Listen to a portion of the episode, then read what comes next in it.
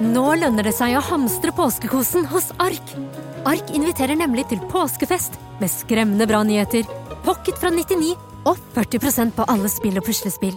Ark-påske betyr rett og slett mye påske for pengene. Så fyll opp med påskens favoritter i nærmeste Ark-butikk eller på ark.no. Hei, kjære lytter. Jeg har en kjempenyhet. Vi lanserer Ut av skapet sin egen kleskolleksjon. I kolleksjonen Du kan komme ut til meg, har vi laget stilrent hverdagstøy med et lekent og inkluderende budskap. Målet med kolleksjonen er å inspirere og skape dialog, samtidig som du føler deg som en million kroner i høykvalitets hverdagsklær du kan bruke igjen og igjen.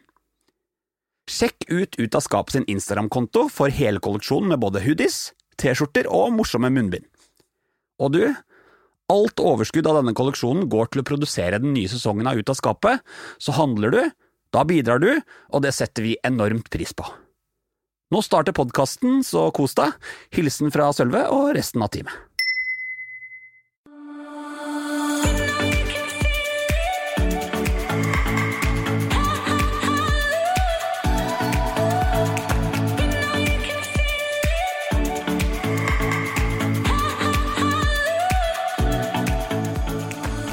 Hei, du. I dag har jeg besøk av Camilla Lorentzen i studio. Eller bare Camilla, som jeg kaller henne, for hun er min BFF. Det jeg kan på en måte se litt sånn i retrospekt, er jo at hvis jeg hadde hatt disse følelsene med en gutt, hvis jeg hadde vært på Styx og klina med en gutt og tenkt at jeg har lyst til å kysse han igjen, så hadde jeg på en måte automatisk sagt et likhetstegn mellom det og at jeg likte han. Ja. Og at jeg ville noe mer. Men fordi det var en jente, og fordi det var noe annet enn på en måte det heteronormative som jeg var så innmari vant til, så satte jeg ikke engang Altså, det var ikke et er kanskje lik engang. Det var, det var ingenting. Det var bare ingen kobling mellom det jeg følte i kroppen og tanken om at jeg kanskje kunne være betatt. Camilla er influenser og innholdsskaper og følges av noen hundre tusen i sosiale medier, men mest av alt så er hun venninna mi som ble skeiv. Og hun er den venninna som jeg ikke klarte å være der for når hun trengte meg mest. I denne episoden deler Camilla sin reise inn i den skeive verdenen. Vi snakker om kjærlighet, skam og forventninger, og ikke minst snakker vi ut om veldig viktige og fine ting. God lytt!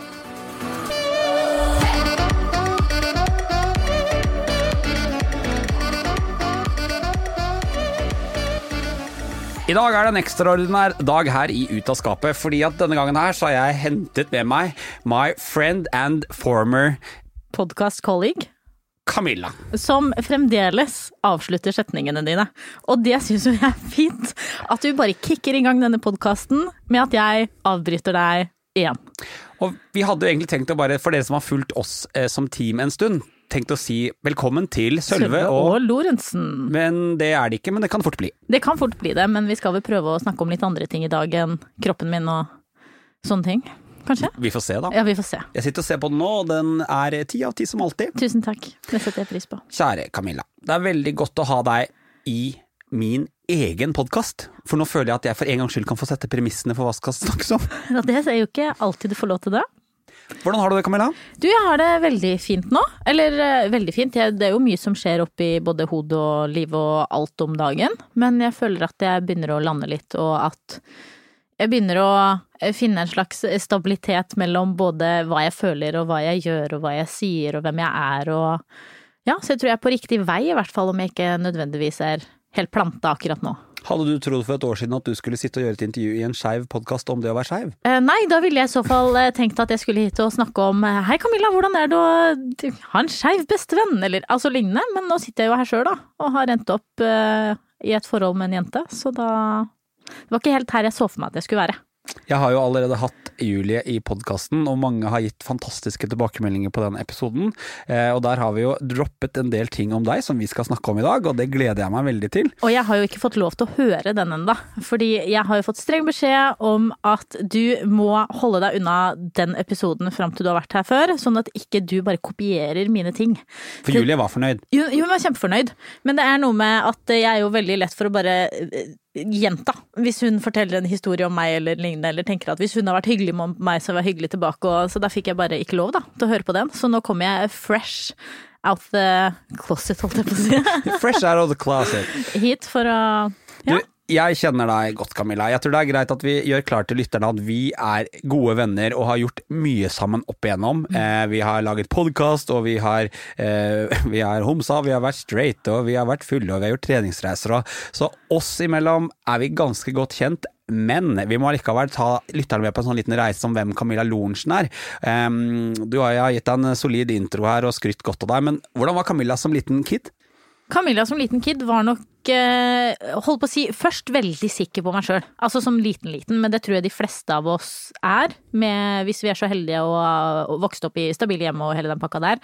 Um, så var jeg nok eh, ja, veldig glad i å snakke, veldig utadvendt, tok veldig mye plass allerede da. Mitt favorittuttrykk fram til jeg sikkert var seks år var 'se på meg nå'! Ta så se på meg nå! Og jeg tenker at det henger igjen ganske godt enda. Uh, da jeg begynte på barneskolen, ungdomsskolen, videregående, så ble jeg nok mer og mer inneslutta. Eh, Mer og mer trakk meg unna både venner, familie, altså ikke trakk meg unna familie eller venner på den måten, men jeg var veldig lukka. Um, så jeg var nok ikke nær noen før jeg ble godt voksen. Hvorfor så jeg tror jeg var et litt ensomt Hvorfor var det sånn? Jeg veit ikke helt. Altså, jeg har alltid hatt litt vanskeligheter for å eh, snakke om ting som berører meg der og da. Jeg er, eh, vil ikke si at jeg på en måte nødvendigvis ikke klarer å snakke om ting, for jeg er veldig god til å snakke om ting som jeg allerede har prosessert. Jeg er veldig god til å snakke om ting som jeg er gjennom, og veldig god til å snakke om ting som jeg på en måte er ferdig med, og som jeg kan sette i et sånn mann-perspektiv. Ja, ja. Mann er jo har lett for å Man er, man har. Eh, Men når det gjelder ting som berører meg der og da, eh, ting som jeg skammer meg over, ting som andre gjør med meg, ting som jeg føler at er urettferdig, så syns jeg det er kjempevanskelig å snakke om. Og når det skjer litt forskjellige ting, så vil jeg heller trekke meg eh, tilbake, heller enn å mm, på en måte møte vennene mine eller mamma eller pappa eller å sette meg ned og ha en prat om ting. Så vil jeg heller trekke meg unna og bære på ting alene. Og eh, jeg ble ikke liksom så godt tatt imot på skolen når jeg bytta skole, som var vanskelig. Hvorfor det? Jeg Tror vet, jeg veit ikke helt. er, man, altså det er vanskelig å liksom reflektere rundt det når man er kid eller ungdom, men når man er blitt eldre, kan liksom se, sette deg, ta deg selv ut av situasjonen og se på det. Ja, jeg var jo, altså hadde veldig lyst til å henge med de populære jentene, da. Uh, og jeg tror jeg brukte ekstremt mye tid og energi på å på en måte prøve å passe inn der. Uh, og de lot meg tag along, Ja. Uh, uten å noen gang si 'Camilla, vi vil egentlig ikke ha deg med', eller 'Camilla, vi syns ikke du passer inn', eller 'vi vil ikke ha deg her'. Sånn at jeg prøvde på en måte hele tiden å streve opp til å henge med de, uten at jeg noen gang egentlig følte meg hjemme der. Følte du at du fikk noe tilbake fra de da? Nei, ikke egentlig. Det var Eh, litt enveisgreie? Ja, ja, ja. Jeg ville gjort alt, Ja. på en måte. Men så jeg følte meg nok på en måte veldig ensom, og det var jo ikke noe jeg turte å snakke om hjemme. Så hjemme så fortalte jeg jo ingenting om det. Um, og på skolen så fortalte jeg jo heller ingen av de andre at jeg ikke følte at jeg hadde noen venner. Sånn at jeg tror at jeg fra jeg har vært liten har holdt ting veldig for meg sjøl. Uh, og hvis det har skjedd noe med meg, hvis noen har behandla meg dårlig på skolen, eller hvis noen har behandla meg dårlig in everyday life, så føler jeg at det er noe som er opp til meg å bære på, opp til meg å, holde ut, og ikke noe jeg burde ta opp med andre. Ja, for det her skal vi komme inn på litt seinere i podkasten, men sånn er du jo fortsatt. Mm. Overraskende, den, den derre utadvendte, rause, delende Camilla som egentlig alle kjenner til, hun deler jo bare det hun har kontroll på. Ja. Alltid. Det du er god på. Men når det kommer til det som er vanskelig, så er du, har du kjempeutfordringer med å dele. Ehm, og jeg, bare, jeg gleder meg så til å prate om det, for dette er noe jeg har tenkt på som din nære venn veldig lenge. At jeg oppdaga uh, når du begynte sånn for alvor å fikle inn i den skeive verdenen, så merka jeg at du sto ikke så godt i det som jeg hadde liksom forventa. Og det overraska meg, for du var liksom omringet av folk som kunne liksom hjelpe deg med det. Og nå skal jeg stille det spørsmålet, dette her er jeg veldig spent på, som jeg liksom alltid stiller i den podkasten her. sånn når var egentlig første gangen du tenkte, kjente på at du kanskje var skeiv? For det vet jeg egentlig ikke, fra ditt perspektiv. Og det husker jeg så godt, fordi det har jeg snakka en del med Julie om eh, i sommer, og jeg har liksom tenkt tilbake på, på når eh, trodde jeg for første gang at jeg kanskje var skeiv. For jeg har jo egentlig tenkt at herregud, det har jeg aldri tenkt. Men så husker jeg da jeg var, eh, jeg har vært 16-17 eller lignende, eh, så skulle vi på fest i Elverum, på et sted som het Styx, tror jeg det het. Det lå liksom i hovedgata i. Elverum. Alle jentene dro dit, alle guttene dro dit fra skolen. Eh, og vi skulle liksom ut der. Eller var vi 18? Ja, nei, vi må kanskje ha vært 18, for jeg tror jeg drakk alkohol der inne. Og det hadde jeg jo ikke fått hvis jeg Altså si 18, da. Men samtidig så var det i Elverum.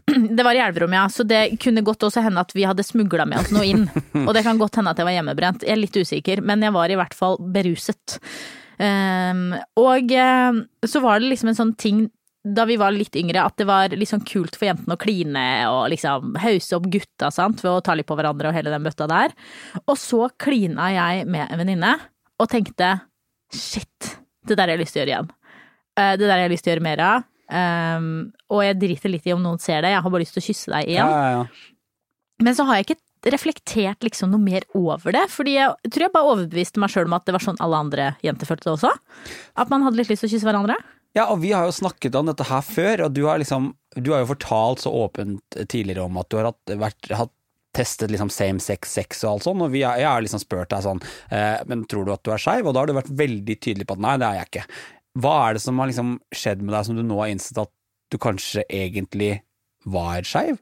Hva er det som skjedde? Fordi disse situasjonene har du jo Du har jo visst om det hele tiden, men du så kanskje ikke på det som et skeivt øyeblikk tidligere? Nei, jeg, men jeg tror at jeg Jeg veit ikke om jeg bare har liksom sett på det som sex, eller sett på det som attraction, hva heter det, tiltrekning, og ikke sett på det som forelskelse. Ikke, altså, det er jo det mest politisk ukorrekte det sikkert går an å si, men jeg har ikke følt meg homo. Skjønner Nei, du? jeg har ikke, jeg har ikke følt meg lesbisk, jeg har ikke følt meg bifil. Og jeg har tenkt at hvis man er det, så føler man det, på en måte. Jeg vet ikke, at det kommer opp en sånn regnbue inni hjertet, eller at man liksom ser litt sommerfugler når man ser seg i speilet, jeg vet ikke. At, at jeg har nok trodd at det å ikke være hetero føles annerledes. Ja. ja, det der er kjempespennende. Føler du Føler du at du liksom må være på en bestemt måte, eller føle noe på en bestemt Eller har du noen gang tenkt at du må være på en spesiell måte, eller føle noe på en bestemt måte hvis det skulle være at du var skeiv? Jeg tror jeg har tenkt at i hvert fall alle andre skeive føler ting på en bestemt måte. Mm. Og jeg veit ikke helt hvorfor. Jeg husker du skrev et innlegg på Instagram for en stund tilbake om det her Du vet at når jeg ser en eh, gutt i kassa på Rimi og syns han er kjekk, så kiler det litt ekstra i magen, Mm. sant? Men jeg tror jeg alltid har tenkt at Eller jeg har ikke tenkt engang, for jeg har ikke reflektert over det, men jeg har forutsatt at hvis man er skeiv på en eller annen måte, så har man en visshet om det, Ja. og man føler det helt annerledes når man er gutt og ser på gutter, eller er jente og ser på jenter, enn jeg har gjort. Jeg har ikke følt at det jeg har følt for andre jenter, har vært annerledes nok til at det kan bety at jeg er skeiv. Jeg tror det er veldig mange som deler den oppfatningen. Det er morsomt at du nevner det innlegget. Det er by far mitt eh, største reachede innlegg noen gang. Som eh, på alt jeg har gjort i sosiale medier ever, så er det liksom the one thing that went viral. Jeg tror det var veldig mange som kanskje trengte en liten sånn øyeåpning om at Og jeg merker sjøl at jeg er jo en del av problemet, for jeg refererer hele tid til kjærlighet for oss i den skeive verdenen som skeiv kjærlighet. Jeg sier ikke kjærlighet, jeg sier det er skeiv kjærlighet. Akkurat som når man snakker om fotball med kvinner, så sier man jentefotball. Det er jo fortsatt bare fuckings fotball. Og det er akkurat sånn jeg opplever med kjærlighet. Jeg må slutte å si skeiv kjærlighet som om det er en ting som skjer på utsiden av den vanlige kjærligheten. At kjærlighet det er noe som heterofile holder på med, og så har du skeiv kjærlighet. Og jeg tror det er mange som kanskje sitter med den oppfatningen at det er så veldig Ja, det er ekstraordinært fordi at all kjærlighet er, er digg, men det er ikke noe annerledes. Det er jo de samme følelsene. Eh, det er den samme kilingen i magen, det er liksom den samme nervøsiteten når man skal på date, det er, den, det er det samme spillet man gjør for å liksom vekke interessen hos hverandre. Var det litt sånn overraskende for deg? Jeg veit ikke, altså Og skulle, jeg skulle gjerne ønske at jeg kunne sitte her og på en måte svare, svare dritbra, men for en gangs skyld så, så aner jeg ikke helt, sant. Jeg, jeg er midt oppi det her nå, og jeg har ikke liksom kommet fast i noe. Jeg er fortsatt litt sånn ambivalent med tanke på både hva jeg føler og tenker og gjør og mener og hele bøtta. Men det jeg kan på en måte se litt sånn i retrospekt, er jo at hvis jeg hadde hatt disse følelsene med en gutt, hvis jeg hadde vært på Styx og klina med en gutt og tenkt at jeg har lyst til å kysse han igjen, så hadde jeg på en måte automatisk sagt et likhetstegn mellom det og at jeg likte han, Ja. og at jeg ville noe mer. Men fordi det var en jente, og fordi det var noe annet enn på en måte det heteronormative som jeg var så innmari vant til, så satte jeg ikke engang Altså, det var ikke et er kanskje lik engang. Det var, det var ingenting. Det var bare ingen kobling mellom det jeg følte i kroppen og tanken om at jeg kanskje kunne være betatt. Altså i det hele tatt. Jeg skjønner. Det handler ikke om at jeg ikke ville føle det, eller snakket meg ut av følelser, eller Jeg bare eh, skjønte ikke engang at de faktisk kunne eksistere, hvis det gir noen som helst mening. Ja, det gir, eh, det gir veldig mye mening, og jeg tror det gir Det er lett som Det er litt lettere som eh, en annen skeiv person å forstå og kjenne på alle disse følelsene man kjenner på, fordi selv om det er ganske mange, det er jo et halvt liv siden jeg var, var igjennom det du er igjennom nå, så kjenner jeg meg igjen i det. Jeg har glemt det litt, hvor tøff den berg-og-dal-banen er, men hver gang jeg snakker med deg nå, og du sier 'dette her kjenner jeg veldig på', eller, eh, eller 'dette her synes jeg er vanskelig', så tenker jeg sånn var det.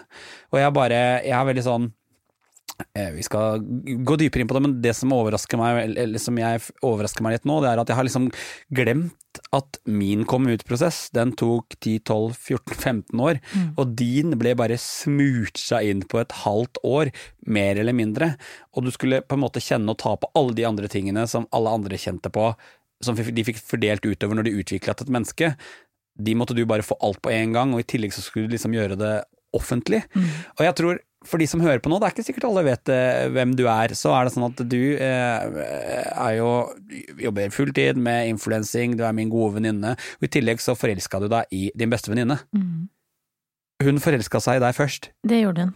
uten tvil, og var ganske tidlig ganske åpen om det. Hvordan er det å kjenne på å gå i den dragningen om at ok, dere ble jo gode venninner når du var i et, da du var i et annet forhold. Hvordan er, I et heterofilt forhold. Hvordan er det å begynne å kjenne på at jeg lurer på om jeg liker den jenta her litt mer enn at vi bare er gode venner? Helt jævlig. Det er det. Ja, ja, altså, men jeg skulle ønske at jeg kunne si sånn ja, men det var fint, og det fikk meg til å reflektere over at herregud, kanskje jeg egentlig er bifil, og det var liksom bare fryd og gammen, men jeg syntes det var helt forferdelig. Og jeg tok på en måte Jeg vet ikke helt hvor Altså, jeg blir sint. Ja. Jeg ble sint, ble frustrert. På henne, da. Ikke på meg sjøl eller på verden eller Men sånn på hun. Ja.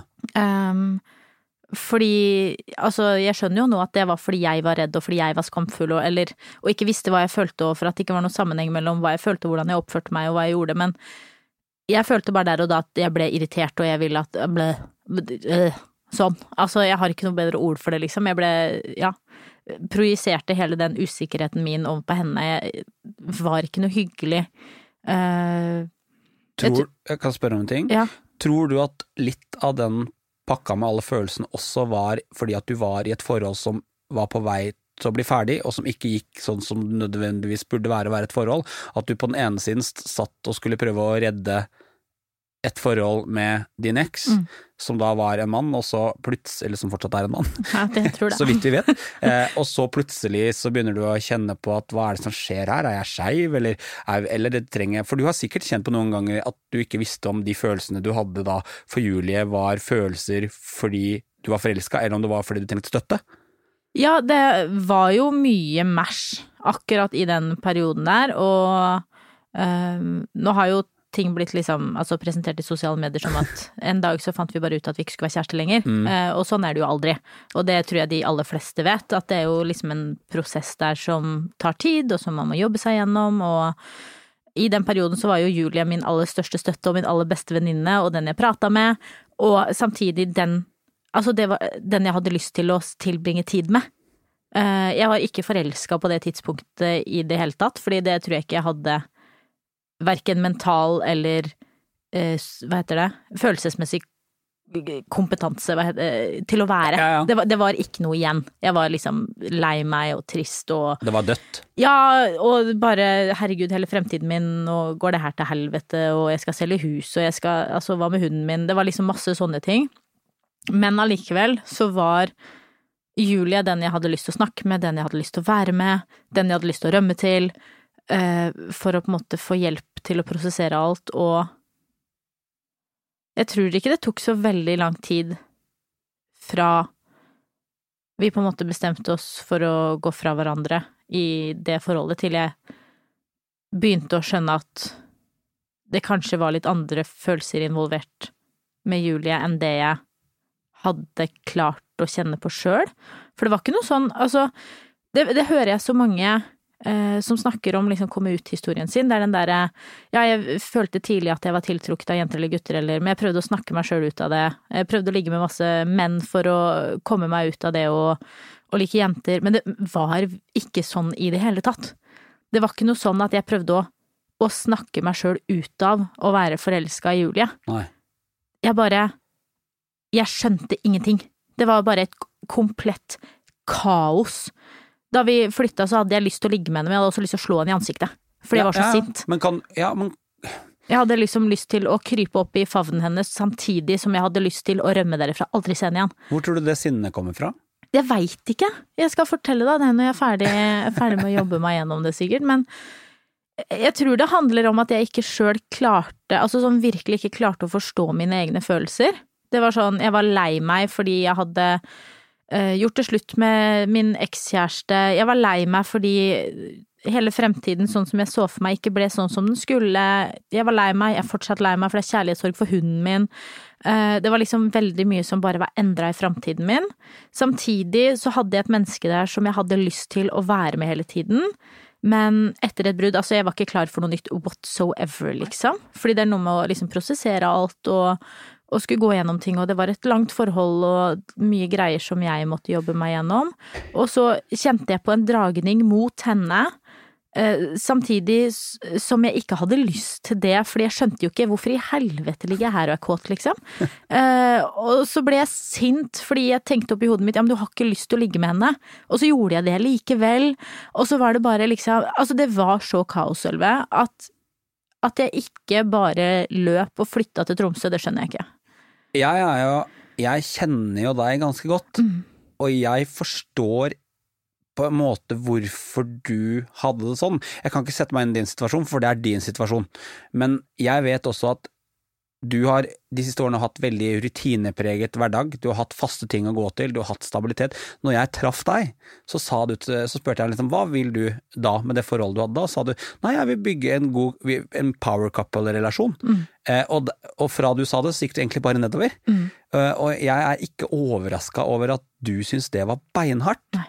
i det hele tatt, for du mista jo du mista stedet du bodde som dere hadde bygd opp sammen, du mista bikkje, du mista mann eh, du, du, Bil.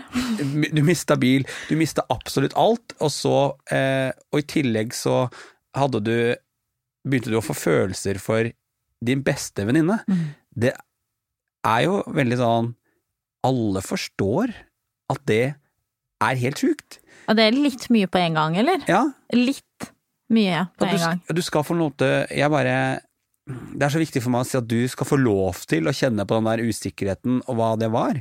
Men jeg har veldig lyst til å på en måte prate om det, og det kan vi ta sånn med en gang. Når du sto oppi det her, så bare lokka du deg jo helt. Mm. Det var sånn Jeg som din kompis, jeg vil kanskje si din beste kompis, snakket jo ikke med deg på et halvt år. Jeg snakket med Julie. Ja. Så jeg visste jo egentlig veldig godt hva som foregikk, men når jeg snakket med deg, husker du det at bare i kort tid før jeg visste at du og Julie var et par, så spurte jeg deg jo rett ut. Vi satt på en, eh, vi satt på en benk i, i Tønsberg sentrum og snakka, hadde en litt sånn spurte ut på, og så sa jeg men er, jeg spurte er du forelska i Julie? Nei, det er seksuelt.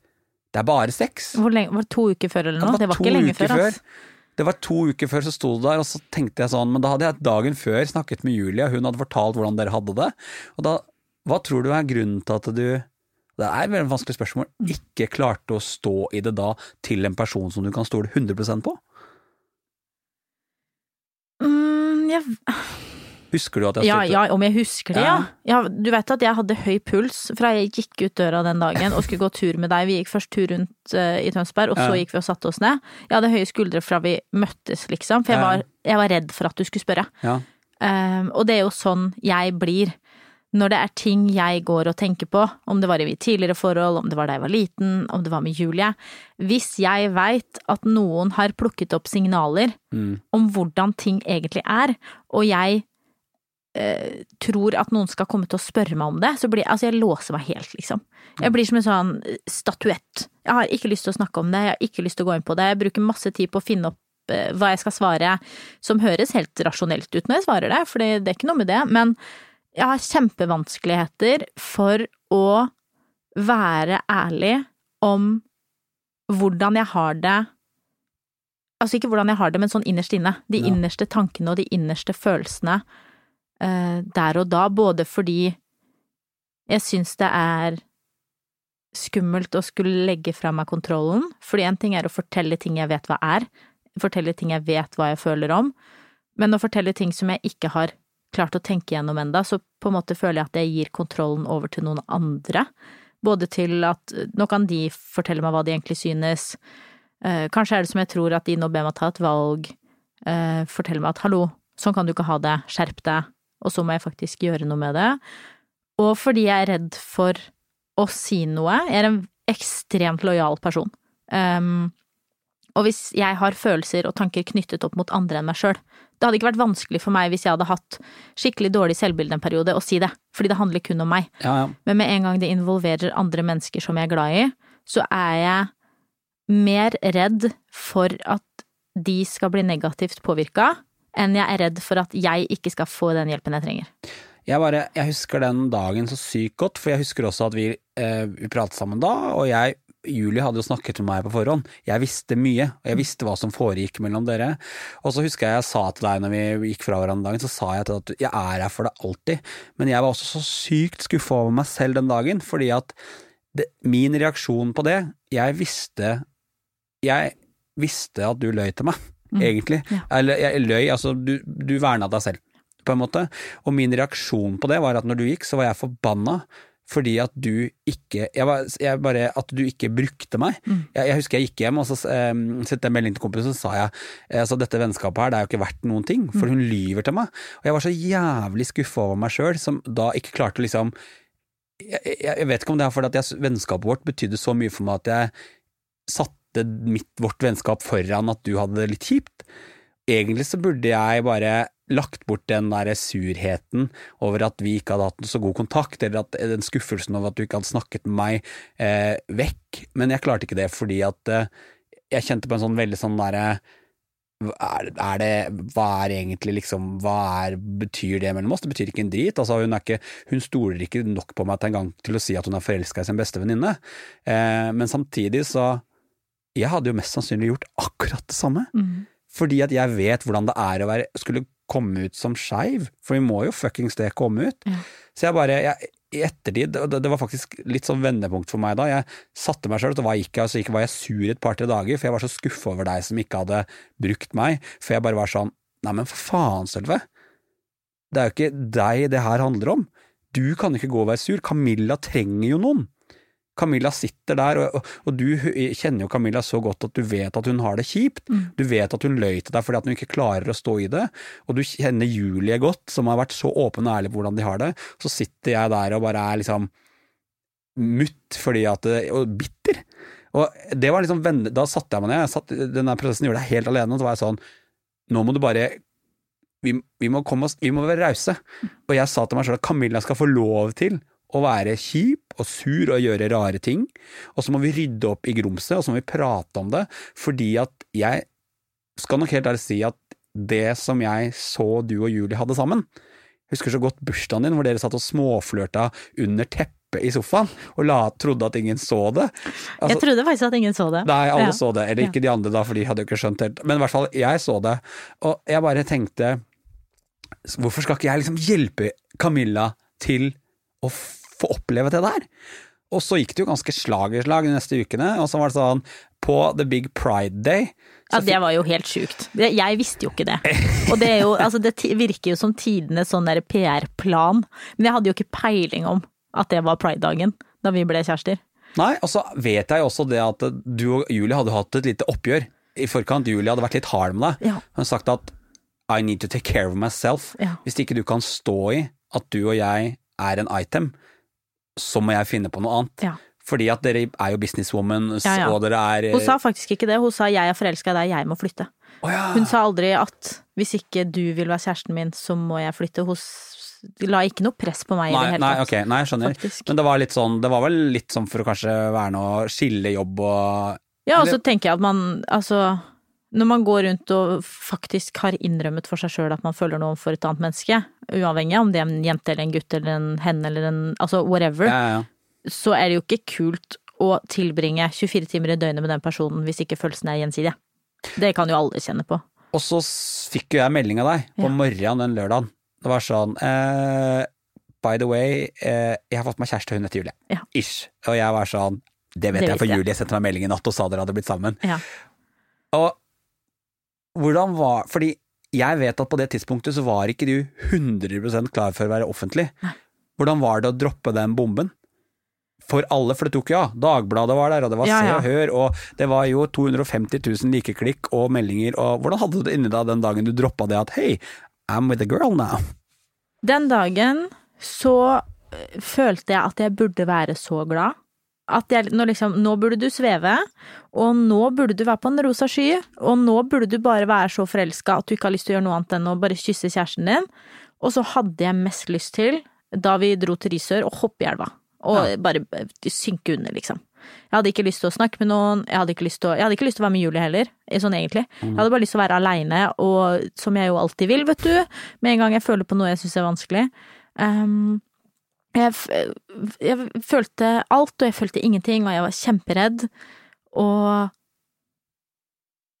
redd for at herregud, hva er det jeg har gjort? Har jeg gjort det riktige nå? Burde vi ha venta litt og liksom sagt ja, jeg har også følelser for deg, flytta fra hverandre, og så heller data en stund? For det, det ble jo på en måte rett i kjæreste. Ja. For det ble ikke noe sånn, sånn datingperiode. Um, og så sa jeg det høyt til alle, og så ble jeg livredd for at herregud, tenk om dette ikke er det det skal være, og så har jeg sagt til alle at jeg er gay, og så er jeg ikke det likevel. Altså what in the actual fuck, liksom. En ting er å skulle finne ut for deg sjøl om Altså det å finne ut øh, hvem du liker og hvordan du liker de, er jo på en måte en prosess for alle, og jeg tror at alle som ikke alle, men mange som eh, har kommet til terms med at de er skeive, har hatt en sånn liten sånn berg-og-dal-bane, sånn herregud, er jeg skeiv? Ja, det er jeg. Nei, det er ikke jeg, jeg er hetero. Ta, ta, ta, ta, ta, ta. Um, og når jeg hadde den berg-og-dal-banen samtidig som at jeg hadde fortalt eh, hundretusenvis av mennesker at hei, jeg er skeiv og hei, jeg er i et forhold, eh, så følte jeg nesten at dette ble en sånn oppgave som jeg måtte lykkes med. At nå må du lykkes, Camilla, i å være riktig skeiv. Du må lykkes i å uh, skape det perfekte skeive forholdet, og du må lykkes i å si de perfekte skeive tingene, og du må ha de perfekte skeive tankene, og den uh, forelskelsen skal være helt himmelrosa. Og så klarte jeg jo ingenting av det, fordi det var komplett kaos. Er, var, altså fortsatt ikke 100 stille vann, Nei, nei, for men jeg- kaos. Ja, jeg, er glad for at du sier det, for jeg kjente veldig på det at den em, det, det var fint at dere kom ut, men så kjente jeg på at bare sånn Det som legges ut og det som jobbes med rundt, dette er jo veldig sånn Altså, det, du skulle tro at du hadde vært skeiv i ti år. Alt var så riktig, og du svarte så godt på alle spørsmålene dine, og det var veldig sånn opplest og vedtatt og tillært, og så kjente jeg veldig sånn da, da kjente jeg som din gode kompis bare sånn, hva er det her, er det her ekte? Hvorfor, hvorfor, fordi jeg er så vant til at du er så direkte, men så var du så jævlig god på å være skeiv fra dag én. Følte du at det var rett fordi at du, no, at du følte at du måtte være sånn sånn skeiv? Ja, jeg, jeg tror nok det er litt sånn sammensatt. For det første så eh, Med en gang vi kom ut, så var det på en måte veldig mye blest opp og ned og hit og dit, og jeg prøvde å Selv om vi sto i mye, så prøvde å ta litt avstand fra det. Eh, leste masse, sjekka ut masse, og så la jeg på en måte merke til at shit, det fins faktisk ingen, så vidt jeg vet, altså Tonje og Lene vet jeg om, men utover det, eh, som jobber som influenser i Norge, og som er store på sosiale medier, så finnes det ikke noen som er i et jente-jente-forhold. Ehm, så jeg ble litt sånn, herregud, det er jo sikkert mange som sitter med de samme følelsene og tankene som meg. Eh, jeg burde være der for de, jeg burde stille opp, jeg burde vise, jeg burde gå foran som et godt eksempel. Jeg burde ta den plassen sånn at de som kjenner seg i samme situasjon som meg, uavhengig av om de er 31 eller 13, har noen de kan se opp til, og noen de kan stille spørsmål til. Sånn at jeg følte at det var et type rom der som jeg måtte ta fordi jeg hadde kommet ut som skeiv. Samtidig så var jo det å gå inn i det rommet med den ryggsekken jeg hadde på meg på den tiden, som var liksom stappa med ting som jeg ikke engang klarte å prate Ja, ja. om, var jo helt jævlig. Uh, og liksom skulle Du legger Eller jeg eh, la For det, jeg er en opplyst person, og jeg har lest masse, og jeg kan masse, og jeg vet at jeg kan sitte og ha en kjempeintellektuell samtale med deg om heteronormativt samfunn, homofobi, internalisert, ekstern Altså, fordi jeg er god på sånne ting. Jeg er eh, god på å lese meg opp. Jeg Du er woke. ja, jeg er det. Ja. Og har studert masse og har godt språk og gudene vet hva. Så jeg kan det, men det er også vanskelig å, eller var vanskelig, å sitte og preache og svare og være på en måte i, i det å skulle være en god homo, hvis jeg har lov til å si det sånn, eller homo, bifil, altså skeiv, you want. God skeiv Ja. Og samtidig føle at liksom inni meg så er det det, det er storm, liksom. Ja, for, for Det det, blir- ja, for det der lurer jeg på. Hvordan er det liksom ut å, å komme ut som gay icon, Ja. og samtidig slite med skam rundt det å være skeiv? Det blir jo, for å nå være litt uh, opplest, da, så blir det jo en veldig kognitiv dissonans. Nei, Ja. altså mellom hva du tenker og hva du føler, og den skammen du bærer på, og hva du faktisk gjør. Sant? Utad så eh, Men det ville jeg ikke gjort annerledes sånn sett, fordi Nei. jeg ønsker ikke å ta med mine 100 000 følgere på Instagram gjennom min eh, emosjonelle prosess. Jeg ønsker ikke å bruke Instagram som en, et sted hvor jeg kan ventilere, eller et sted hvor jeg skal få støtte. Jeg ønsker å bruke Instagram som et sted hvor jeg kan inspirere andre, Ja, ja. hvor jeg kan motivere andre. Og det er litt sånn viktig å si. Um, sånn at jeg ville på ingen måte noensinne aldri ha brukt Instagram som et sted hvor jeg hadde tatt med alle følgerne mine på mine egne personlige eh, utfordringer i hverdagen, fordi det hadde blitt for mye for meg. Da tror jeg at jeg hadde eh, trådd inn i den statistikken av psykiske lidelser som allerede er ganske høy, fordi det hadde blitt for mye. Og så vet du også mye om påvirkningskraften du har som influenser. Ja. Eh, Så å uttale meg om ting som jeg ikke er sikker på, som jeg ikke vet hvordan kan påvirke andre, det vil jeg ikke, og det ville jeg ikke gjort annerledes. Men det er vanskelig, og var vanskelig, å på en måte føle at jeg måtte ta den rollen samtidig som jeg på ingen måte var klar til å ta den. Nei, Jeg var ikke klar til å være noe gay icon. Det jeg burde gjort sånn egentlig, var å si hei, I'm gay, I'm not gonna talk about this for another six months, bye, og så gå tilbake til å gjøre de vanlige greiene mine. Ja, det var det jeg burde gjort. Eh, jeg burde gjort liksom hei, dette er kjæresten min og hun er skeiv, for jeg hadde lyst til å komme ut, jeg hadde ikke lyst til å påføre meg sjøl noe mer skam ved å føle at herregud, hvem er det som ser oss hvis vi holder hender ute, eller ikke tørre å kysse kjæresten min, jeg syntes det var vanskelig nok når jeg hadde sagt det høyt òg. Ja, ja. Um, så det å komme ut var på en måte helt riktig, men jeg burde ha lagt ved en sånn disclosure der og sagt at dette er ikke klart å snakke om enda, fordi det er så mye jeg må jobbe meg gjennom. Men vi snakkes om en seks til tolv til 18 måneders tid. Kanskje. Men føler du kanskje at altså jeg støtter, altså Det er lett å sitte her og si hva du burde ha gjort, Ja. men det, sånn ble det jo ikke. ikke sant? Men føler du at du valgte å gjøre det på den måten litt for å verne deg selv? Fra, altså, da, slapp, da slapp du at folk spekulerte. Ved å være så åpen på sånn har vi det, sånn gjør vi det, sånn er det, så sparte du deg selv for at folk snakket bak ryggen. Ja, og så er jeg, eh, selv om jeg ikke er så god til å snakke om ting jeg føler her og nå, så er jeg, en, jeg er veldig tøff. Når Ja. jeg først finner ut hva jeg føler, når jeg først finner ut hva jeg skammer meg over, så gjør jeg alt jeg kan for å prøve å komme gjennom det. Eh, Sånn som jeg snakket med Julie for, hva da, en uke siden om at jeg syntes at det var så vanskelig å åpne meg opp til både henne og venner om hvordan jeg faktisk har blitt behandlet av ulike personer fra jeg var liten til jeg ble voksen. Ja, ja, Ja, Og dagen etter så snakket jeg med deg om det samme. Ja. Fordi det er sånn, når jeg først har fått sagt det høyt, så vil jeg bare, da vil jeg si det til alle. Da vil jeg ha en podkastepisode hvor jeg forteller om hvor vanskelig det er, sånn at jeg bare kan få det off my shoulders, Ja. ut. For det er sånn, når jeg først har klart å identifisere hva som er problemet, når jeg har klart å identifisere at sånn er det, jeg syns det er vanskelig, derfor syns jeg det er vanskelig, så vil jeg bare liksom få det ut. Da er den der holde seg inne-prosessen min over. Ja. Uh, Og litt sånn var det med det å komme ut som skeiv også, når jeg først fant ut at vet du hva, jeg er mest sannsynlig skeiv. Ja, nå skal jeg være sammen med bestevenninna mi, fuck shit, ja ja, let's go. Så ville jeg bare si det til alle, jeg ville snakke om det høyt, sånn at jeg ikke trengte å påføre meg sjøl mer skam enn jeg behøvde.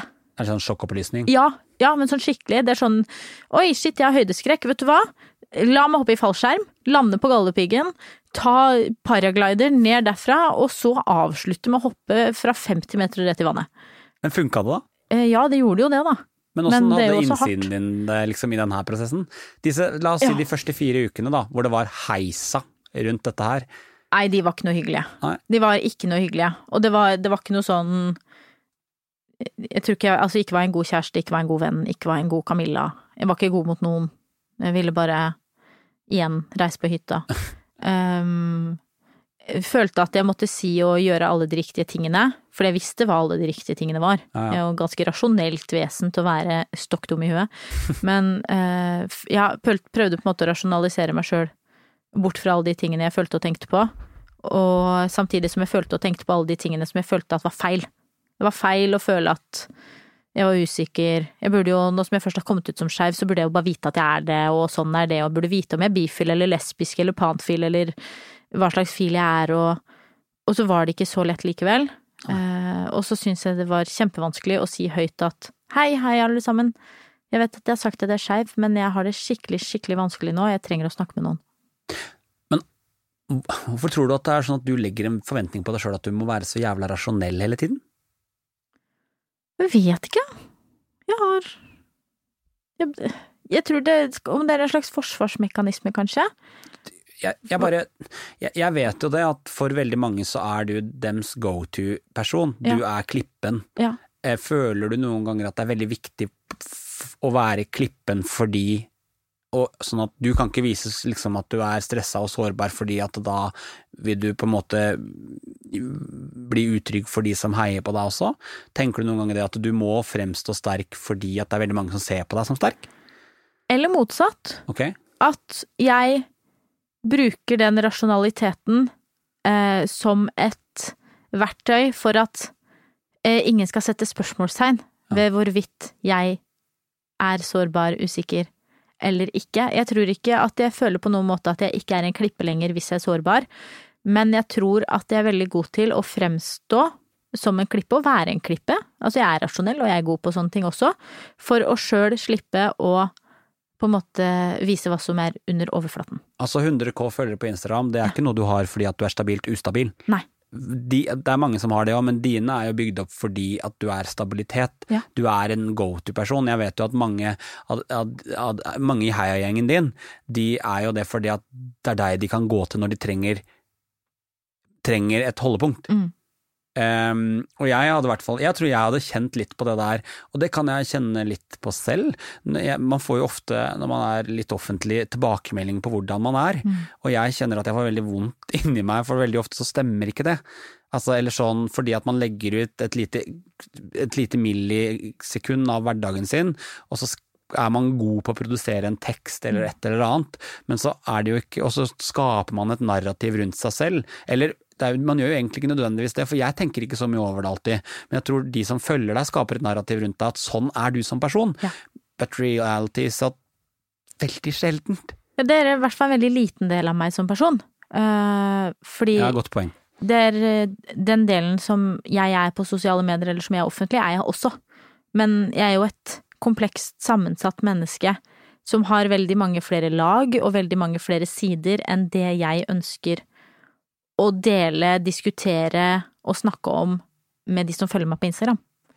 Jeg opplever jo jeg vet ikke om du opplever det sånn, men jeg opplever at det jeg er komfortabel med å dele om, selv om det kan være personlig i sosiale medier, er også det jeg er veldig trygg på at jeg kan stå i. At hvis jeg snakker om kroppen min, for eksempel, så er det ja, jeg har utfordringer med kroppen min, men jeg er også så komfortabel med den utfordringen at jeg kan snakke godt om det. Men de dypeste utfordringene mine, det som virkelig gjør vondt, det hadde jeg aldri delt. Opplever du det sånn? Ja, men det tror jeg Og så Ikke bare tror jeg at veldig mange gjør det, men jeg håper at veldig mange gjør det, for jeg tror ikke det er sunt å gå ut, om det er på sosiale medier eller om det er på arbeidsplassen din, og fortelle om eh, de største utfordringene i livet ditt. Jeg tror ikke det er helsemessig bra. Det betyr ikke at vi ikke skal snakke om det. Jeg burde ha snakket om ting før. Jeg burde ha åpnet meg opp til de to menneskene i livet mitt som står meg aller nærmest. Mm.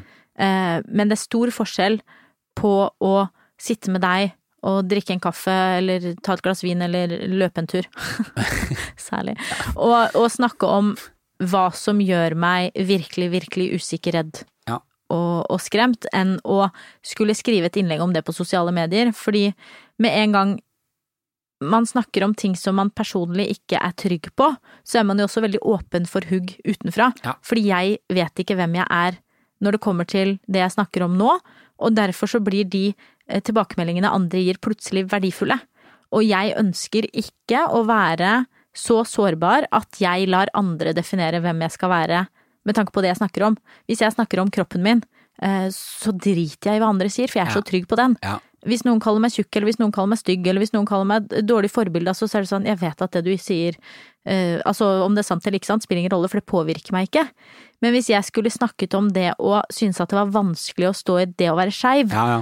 og det hadde kommet en haug med skeive mennesker og sagt at sånn burde du ikke føle det, så hadde jeg følt på mer skam. Da hadde det blitt verre for meg. Og det ønsker jeg ikke. Ja, og det der er et så godt poeng. Jeg kan kjenne veldig på det. For eksempel, da, altså, nå nevnte jeg det, hvis jeg deler et eller annet som, eh, med kropp, eh, og, og jeg sier sånn og sånn er det, og noen kommenterer til meg ja, men sånn er det jo ikke, du er jo så fin, eller, eh, eller og det kan trenge ikke bare være sosiale medier, så, så merker jeg at da, da blir jeg sint. Ja. Og så syns jeg de ljuger til meg, og så er det sånn for sånn føler ikke jeg det. Og derfor er det, jeg syns det er kjempeviktig å noen ganger tenke igjennom hva man deler. Og så er det jo ikke Sosiale medier, da, nå skal vi ikke bruke så fryktelig mye tid på det, men det er ikke profesjonell hjelp. Nei.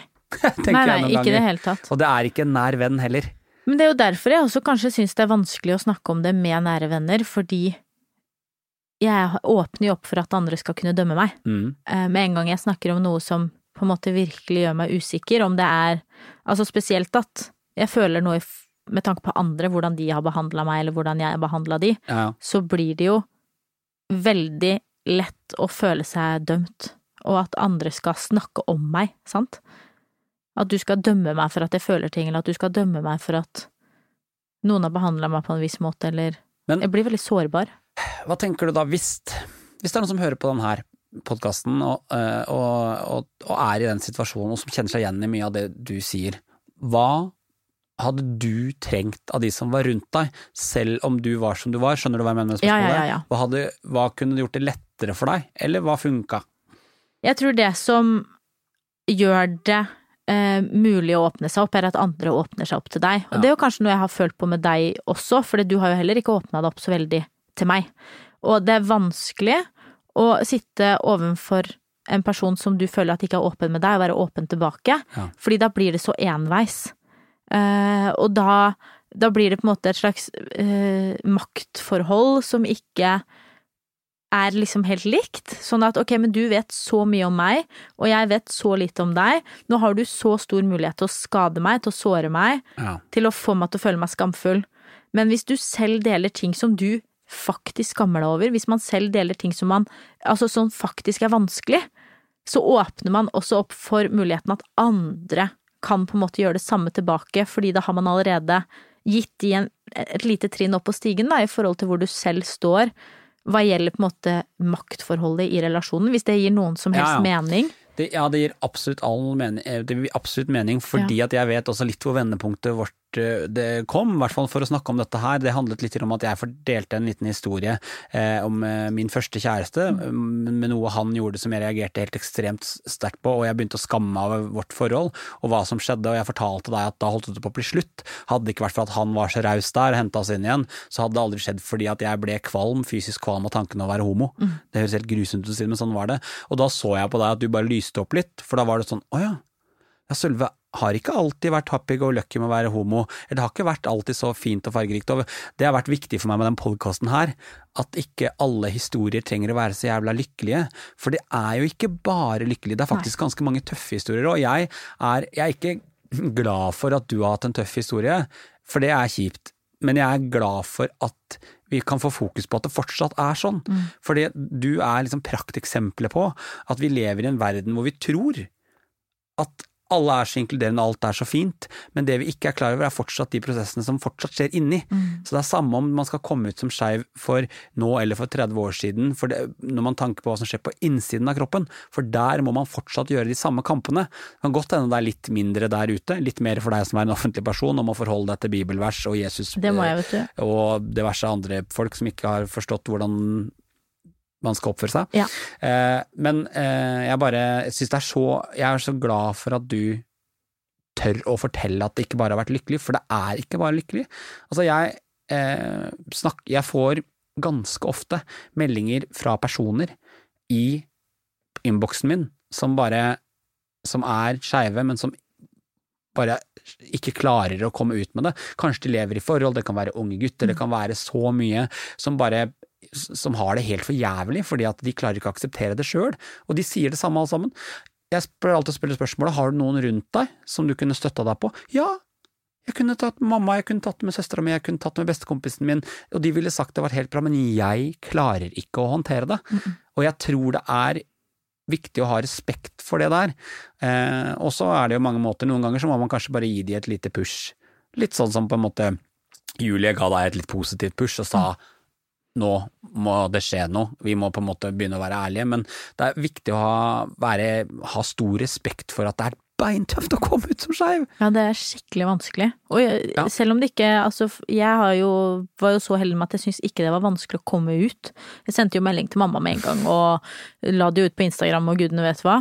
Men det var for, Selv om jeg turte å si det høyt med en gang, Ja. så var det Er det så mye jobb jeg må gjøre inni meg, som er kjempetøft og vondt og kjipt og blø, men verdt det sikkert, da. Håper jeg. Hvordan er det å være kjæresten til Julie? Det er kjempefint. Ju- Julie er den, altså den beste kjæresten i verden. Det er eh, noe med å ha noen ved siden av deg som Altså, jeg føler at hun på en måte bare ser meg for den jeg er, og uavhengig av øh, hvordan ting er, så vil hun på en måte mitt beste. Mm. Og det er Det er så deilig. Og altså, ikke minst det å faktisk kunne prate med noen. Sånn ordentlig, ærlig prate med, få spørsmålet Er det noe du skammer deg over? Er det noe du har lyst til å prate om? Hva tenker du om akkurat det som skjedde der? Ble du lei deg? Ble du redd? Ble du skamfull? Mm. At det på en måte det er greit å snakke om absolutt alt, og hun har lært meg så mye hva gjelder det å åpne seg opp til andre. Ja. Eh, og er nok også en av de største grunnene til at jeg turte å åpne meg opp til deg. Ja. Jeg har fortsatt en liten jobb å gjøre der, men Ja. eh, du òg forresten. Men la oss eh, ja, dette er din episode, Camilla. Dette er min episode. Men ja, å vise at det er på en måte ok. For jeg har vært så redd for å snakke med andre om de tingene jeg skammer meg over. Og hun har vist meg at det er ingenting å skamme seg over, og det vet jeg jo, altså, ikke sant, rasjonelle Camilla vet jo det, men det er noe med den følelsen som fortsatt sitter på en måte helt igjen, som hun har tatt litt og røska litt ut og dratt fram i lyset og vist at sjekk, det er ikke et troll, det er bare en liten snegle du har inni hodet som du kan kvitte deg med. Eh, som ikke bare har gjort at jeg har fått en fantastisk relasjon til henne, men en bedre relasjon til familien min, en bedre relasjon til vennene mine, og jeg kan liksom ikke beskrive hvor takknemlig jeg er for at hun har giddet å holde ut med en manipulerende bitch som lå med henne i to måneder og sa hver dag at hun ikke var forelska, og at det aldri kom til å bli noe, for at hun holdt ut med aggressive, både passiv og direkte, altså, og irriterte Camilla. Eh, som prøvde å, å komme ut av skapet offentlig i to måneder, og samtidig hadde lyst til å ta rennafart og hoppe inn igjen. Ja.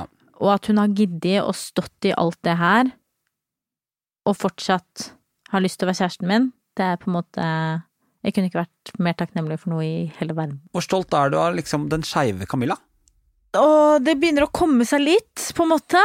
Eh, Jeg har vært ganske skamfull over henne, for hun har oppført seg som en jævla Nå skal vi ikke bruke sånne ord, men fitte, altså. Hun Ja. har vært så ekkel. Både mot måte de hun er glad i, mot seg sjøl, mot venner, mot alle. Eh, Men nå begynner hun å bli litt sånn ålreit. Så Back in the game? Ja, og selv om jeg kan skamme meg litt over den jeg var i april og mai og delvis juni, og kanskje til og med litt ut i juli, altså, jeg var ikke en veldig bra person, mm, så har det vært verdt å gå gjennom alt det for å komme dit jeg er nå, i hvert fall. Ja, og så, så tenker jeg sånn Jeg håper at du liksom legger merke til at de rundt deg og jeg sier at det er greit. Det går fint fordi at vi forstår hva du har stått i, og det er så viktig at du tar med deg det. Og det er en sånn take home message til de som hører på. Hvis, hvis du har en rundt deg som holder på å bli skeiv, som turn into a raging eh, bitch, og sometimes Hello, homophobic, That's me. så er det en grunn til det. Ja. Det kan hende at du bare skal, eh, i hvert fall kan jeg si det, at eh, bare dra deg selv ut av den situasjonen og vær der, og vær med på berg-og-dal-banen. For det er det du som venn opplever til en skeiv som holder på å komme ut, det er ingenting i forhold til det som skjer inni hodet. Og, jeg, og det er bare sånn, ja, jeg syns det er dritviktig. Jeg er i hvert fall jeg, jeg, jeg skrev en kommentar på Instagrammen din her i går, tror jeg, så skrev jeg sånn, jeg likte Camilla versjon 1.0 ganske bra, versjon 2.0 liker jeg enda bedre, og det merker jeg jo fordi at jeg bare, og jeg vet ikke om det nødvendigvis handler om at du er skeiv, men det handler om at du har vært igjennom noe såpass eh, tøft nå, at du har fått kommet enda litt dypere i hvem du er da. Du står jo ekstremt, du står veldig godt i deg selv nå. Ja, ja, ja. ja. Men det, altså, det er jeg liksom glad for at det er gjort hele veien, men Ja. det er godt å ha funnet et lag til. Jeg pleier å se på meg som en liten løk, hvor du må liksom skrelle av lag på lag for å komme lenger inn. Mm. Og de siste månedene så har jeg på en måte kommet noen lag enda lenger inn, som har gjort at jeg er enda mer stødig enn jeg er, og det er veldig godt. Ja, det er digg. Jeg ser på deg som en storløk noen ganger. Ja, det skjønner jeg godt, faktisk. Det må du bare fortsette med. Ja, det her er så fint, og denne praten her er, er så viktig. Eh, og jeg er så glad for at du tør å være så ærlig. Jeg syns dette er kjempeskummelt, bare så det er sagt. Jeg sier det nå, så jeg har sagt det. Jeg syns det er skikkelig skummelt. Jeg Og- gruer meg til å høre det her. Ja, ja, og du har, altså du skal igjennom, altså jeg har sånn 15 års erfaring på deg, Kamelen. Jeg Ja. kan si at it's, It's gonna get worse. It's gonna get, no, it's gonna get wild. Ja, ok. Altså det er så mye morsomt som skjer fremover. Ja. Det du er, er i nå, that's the hard thing. Ja. Altså nå, nå det, blir det bare finere og finere og finere. og finere. Deilig. Jeg gleder meg til de rosa skyene kommer seilende igjen. Du kan glede deg, de er på vei. Eh, De er for øvrig regnbuefarga. Ja, så klart er de det. Du, kjære digge, fine Camilla. Nå er det sånn at på slutten av denne podkasten så eh, er det sånn at jeg alltid ønsker at de som er med skal gi et litt sånn snacksen til råd som kan gjøre hverdagen litt mer inkluderende for de som hører på, eller rausere. Har du en ting du har lyst til å dele med alle som hører på? Ja, jeg har lyst til, fordi jeg har lært så mye av det i det siste, at hvis du kjenner at det er noen rundt deg som faktisk trenger å prate om noe, istedenfor å tenke at dette handler om deg og at de ikke stoler på deg, eh, så husk at dette handler om de. Og prøv å være en god venn, en god alliert, en god mamma, en god pappa, ved å selv dele noe tilbake. Fordi altså, denne her går til alle foreldre der ute. Jeg skjønner ikke hvordan dere kan forvente at barna deres skal åpne dere opp til dere, når dere aldri åpner dere opp til barna deres. Jeg skjønner ikke hvordan du skal forvente at din beste venninne åpner seg opp til deg dersom du ikke tør å dele dine ting. Og dersom du ser noen som faktisk trenger å prate om noe som du er glad i, så gjør som Sølve, og del litt av deg sjøl, sånn at den slusen for å dele tilbake blir litt lettere å gå gjennom. Vi må åpne opp den porten. Ja. Open the gate. Camilla, nå har jeg kosa meg. Ah, ja, Dette var deilig. Det var litt deilig å møtes bak mikrofonen igjen. Ja, det igjen. var fint, faktisk. Takk for i dag, Camilla. Takk for i dag. Du er digg. Det er du òg. Takk for at du hører på podkasten Ut av skapet. Det betyr mye for mange. Informasjon om dagens gjest finner du i episodebeskrivelsen. Sjekk alltid ut fine folk på sosiale medier.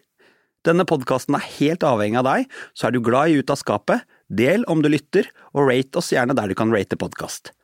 Jeg gleder meg skikkelig til nye skeive historier neste uke. Vi høres!